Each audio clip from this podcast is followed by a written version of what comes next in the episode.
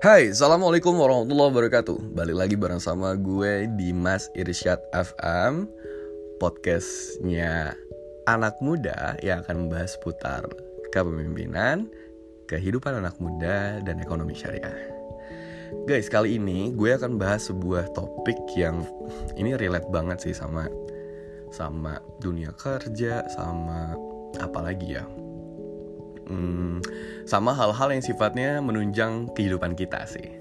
Jadi podcast kali ini temanya adalah tiga skill yang bisa membantu kamu untuk uh, survive di kehidupan.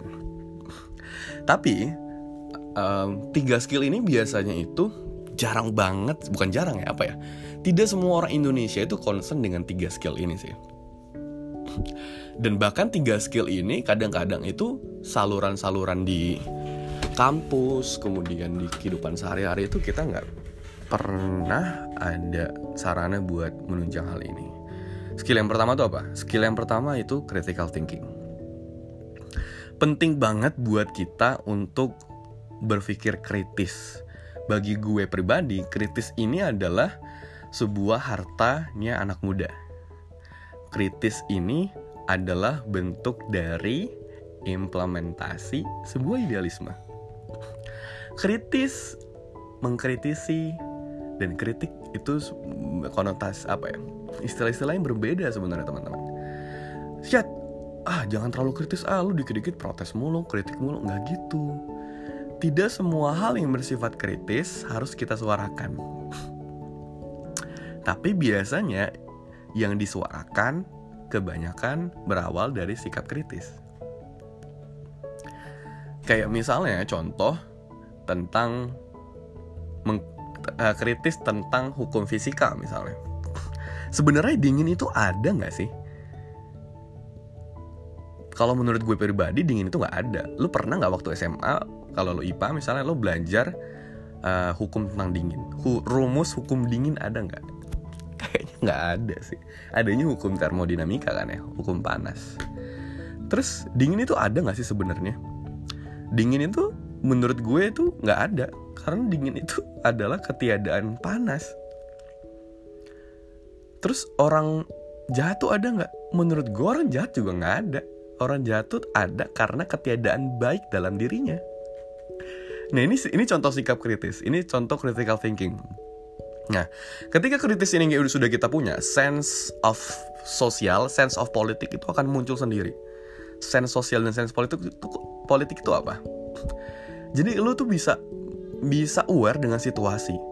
Lu bisa membaca arah percakapan orang lain saat mereka lagi bersepakat.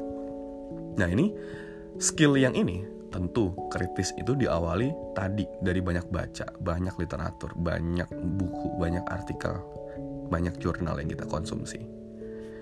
Dan setelah kita banyak, kita nulis. Nggak ada cara lain. Nah, saluran kritis tadi diasah, diskusi, nulis, baca, debat. Dan kita juga biasanya tidak terbiasa dengan perbedaan. Ada yang berbeda dikit sama kita, kita udah ngejudge dia, oh dia bla bla, dia A, dia B, dia C, dia D, D, sampai dia Z gitu kan. Stereotyping kalau seandainya kita kritis kita nggak akan mudah menstereotip orang lain. Kita juga tidak mudah untuk menerima informasi yang belum tentu kebenarannya. Dan kebayang nggak kalau kita tidak kritis kita jadi pejabat publik? Kita dibisikin nama bawahan kita sesuatu hal yang sifatnya masih belum tentu benar masih wacana tiba-tiba kita omongin ke publik. Eh besoknya kita ralat sendiri omongan kita. Jadi, critical thinking ini adalah salah satu skill yang penting dan menunjang juga buat lo menganalisis. Entah ini bisa dipakai juga di dunia bisnis. Lo bisa menganalisis pasar, analisis konsumen, analisis model bisnis, dan itu berawal dari critical thinking. Skill yang kedua, skill yang kedua ini, ini yang skill yang ini, ini sangat krusial karena gara-gara ini perang dunia itu terjadi perang peperangan-peperangan tuh terjadi gara-gara ini. Perceraian terjadi gara-gara ini juga. Ya walaupun nggak semua peperangan ya gara-gara ini. Tapi beberapa peperangan ada yang gara-gara ini. Perceraian gara-gara ini. Putusnya hubungan sama orang lain gara-gara ini juga. Hmm, kekerasan fisik gara-gara ini juga. Apalagi ya? Hmm, uh, persepsi publik jadi buruk gara-gara ini juga. Yes communication. Nomor dua skill yang harus kita punya adalah communication lu udah kritis. Lu udah punya hmm, sikap kritis. Critical thinking oke. Okay. tapi kalau tidak bisa mengungkapkan gagasan itu ke publik atau ke orang lain kepintaran kecerdasan itu hanya milik diri sendiri. Dan komunikasi ini bukan hanya sifatnya verbal tapi lewat komunikasi chatting juga. Banyak orang yang kadang-kadang tidak aware dengan jam waktu komunikasi udah jam 9 malam waktunya istirahat. Masih hubungin. Eh, tidak pakai salam.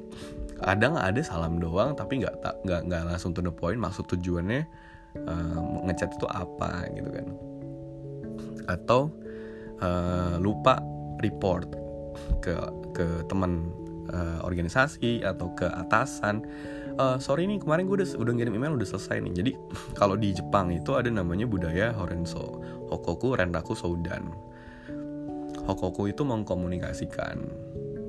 Renraku itu berkonsultasi. Jadi kalau lo ada kendala dalam menyelesaikan project atau program itu tiba-tiba tengah jalan ada kendala lo wajib konsultasi sama atasan lo atau sama teman-teman sekitar lo supaya orang-orang sekitar dan atasan lo tuh tahu progresnya udah sejauh mana Terakhir Saudan report bahwa tugas ini udah selesai, mohon arahan berikutnya. Ini budaya kerja yang menurut gue menarik banget kalau seandainya di organisasi mahasiswa atau di, di kantor ini selalu kita jalankan. Nah, komunikasi ini juga menentukan kualitas leadership seseorang. Kalau komunikasinya banyak kata-ngatain, berkata kasar, kemudian komunikasinya buruk, komunikasinya tidak humanis, terus komunikasinya juga hmm, apa ya banyak terjadi miskomunikasi gara-gara oh iya maaf lupa nyampein segala macam. Nah komunikasi ini belajar dari mana? Belajar dari organisasi tadi. Lu nggak bisa ngerjain suatu hal itu sendirian tanpa lu berkonsultasi dan komunikasi dengan pihak lain even lo adalah seorang ketua di organisasi itu. Kebayang nggak kalau ketua organisasi lo tiba-tiba follow up sesuatu hal yang sebelumnya gak pernah diperintahin buat kerjain? Tiba-tiba dia ngomel-ngomel. Nah di sini juga di sini juga kecerdasan kita diuji. Kecerdasan merespon sesuatu hal yang seperti itu. Komunikasi yang dewasa juga dibutuhkan. Terakhir yang ketiga adalah creative problem solving. Nah, kalau lu kreatif, lu bisa bikin konsep, lu punya gagasan, punya ide, gue jamin gak akan pernah miskin hidup di dunia ini. Karena anak-anak kreatif yang pernah gue temuin tuh gak pernah ada yang mereka kehabisan akal untuk bertahan hidup.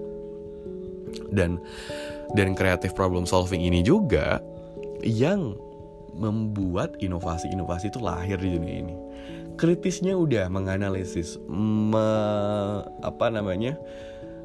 Hmm, menganalisis fenomena sosial. Kritisnya udah menyampaikan komunikasi berikutnya prosesnya ya. Setelah kritis mengkomunikasikan menyampaikan.